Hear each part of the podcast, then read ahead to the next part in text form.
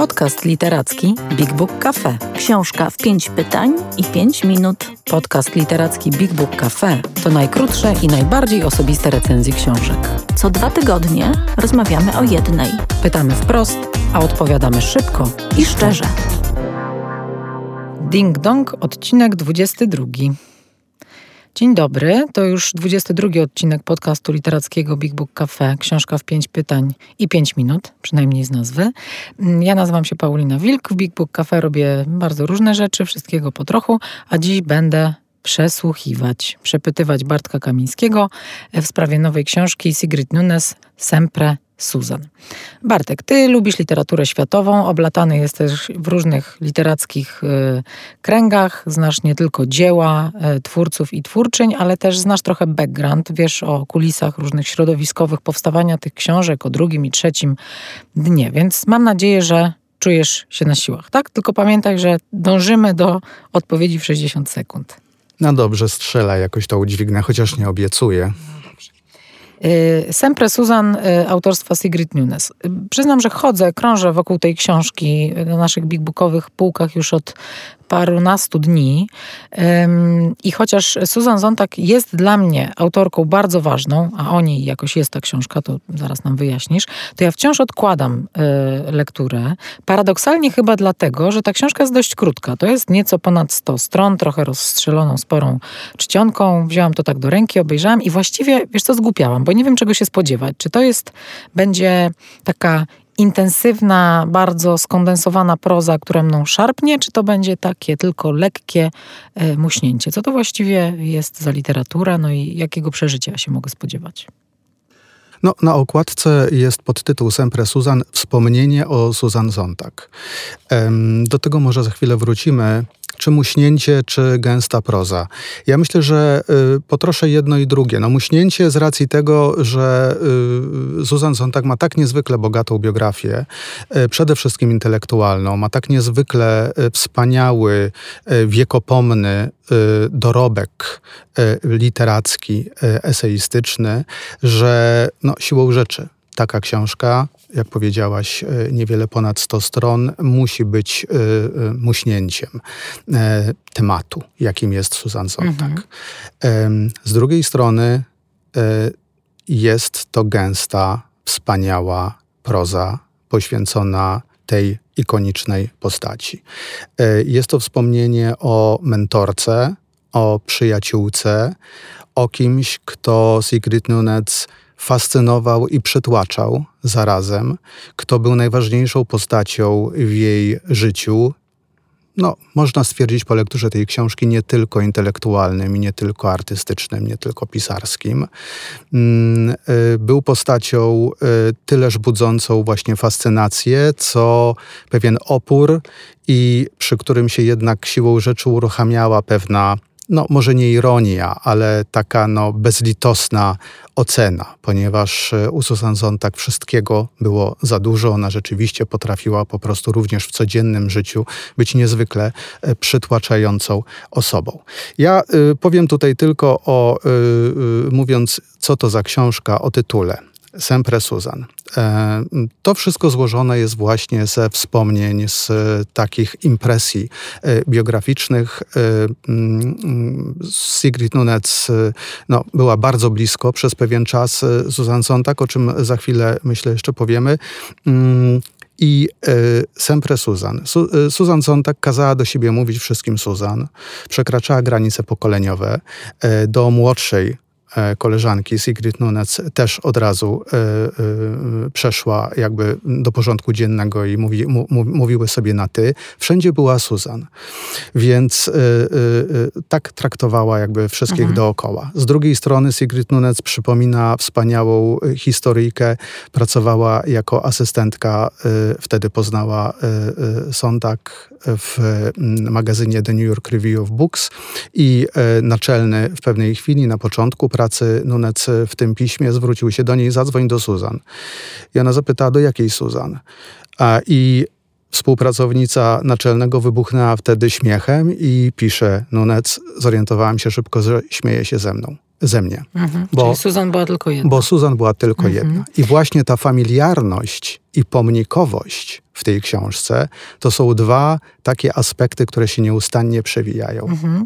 E, żeby zrozumieć właściwie wagę tej książki, to chyba trzeba wiedzieć, kim dla literatury amerykańskiej są i Nunes, i, i. Co je, e, co je łączy, e, nie tylko w sensie tej relacji sprzed lat, ale kim one są dla literatury amerykańskiej. No bo właściwie dlaczego, wiesz, czytać wspomnienie jednej pani o drugiej pani? No, y, to garść faktów. No, Susan Zontag no to jednym zdaniem e, e, jedna z najwybitniejszych intelektualistek e, amerykańskich drugiej połowy XX wieku, pisarka, przede wszystkim autorka wspaniałych, fenomenalnych esejów, które pisała przez całe życie, ale również powieści i opowiadań, które nie odnosiły aż takich sukcesów aż po ostatnie lata Susan Zontag. A Nunes? A Nunes, y, wspaniała amerykańska pisarka, y, która obecnie jedna z najważniejszych i największych. Mm, no i Sigrid Nunes i y, Susan Zontag poznały się w 1976 roku. Nunes miała 25 lat i była świeżo po studiach. Y, właśnie zaczęła pracę asystentki w The New York Review of Books. A Susan Zontag była u szczytu sławy, miała 43 lata.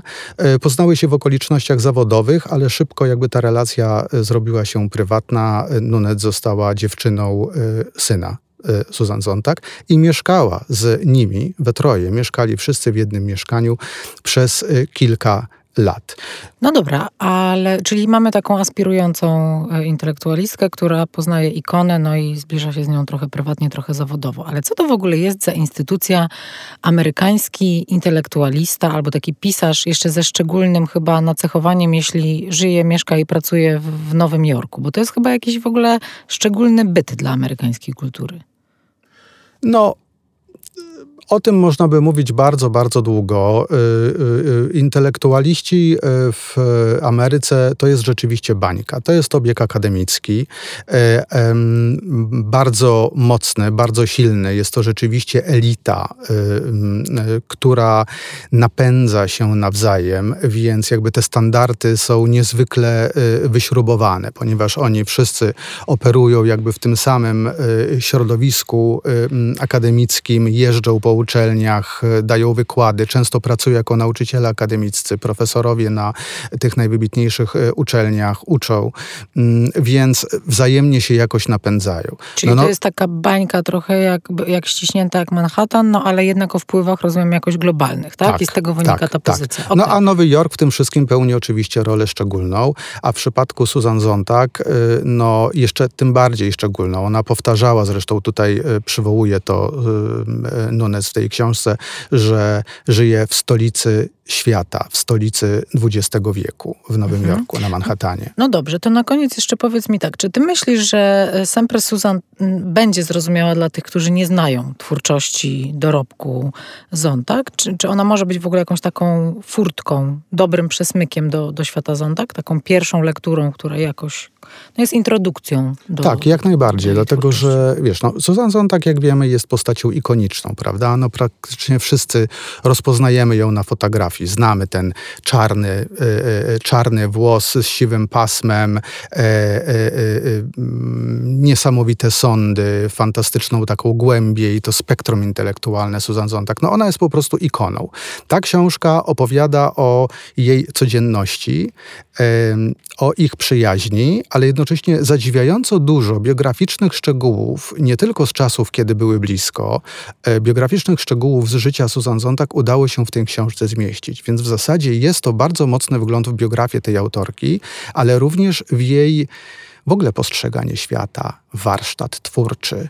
No, mówimy tutaj o przyjaźni dwóch pisarek. Jednej początkującej, aspirującej, a drugiej u szczytu sławy. Okej, okay, czyli jest szansa tutaj na jakąś e, trochę tajemną, intymną wiedzę, więc ja sobie wstawiam na półkę e, Sempre Suzanne, na półkę, na której e, już stoją wszystkie wydane w Polsce jej książki, ale też stoi wielka, opasła biografia Benjamina Mosera, której przekład polski ukaże się u nas jesienią. Jeśli macie ochotę na Sempre Suzanne, to zapraszam do księgarnia bigbookcafe.pl. Mamy tam wszystkie książki, które sprawdzamy w czytaniu. Mamy tam też różne fajne, y, nieoczywiste sekcje, na przykład książki z autografem. Możecie kupować te, które sygnowali mm, dla nas e, e, i dla was autorzy. Mamy też różne zwariowane gadżety literackie, więc was tam zapraszamy. I zapraszamy również, szczególnie w kontekście tej książki, aczkolwiek szczegółów jeszcze nie zdradzę, na dziewiąty Big Book Festival, który zacznie się 25 czerwca i na którym damy wam prawie 40 dobrych powodów do spotkania z pisarzami osobiście albo wirtualnie. A w kolejnym odcinku naszego podcastu za dwa tygodnie opowiemy o jakiejś niemożliwej do ominięcia książce. A dzisiaj dziękujemy i do usłyszenia. Więcej o książkach opowiemy Wam osobiście, jeśli odwiedzicie Big Book Cafe, czyli księgarnię, kawiarnię i Centrum Wydarzeń Literackich. Wejdźcie na bigbookcafe.pl lub odwiedźcie nasz profil na Facebooku. Big Book Cafe. Czytam, Gadam. żyję.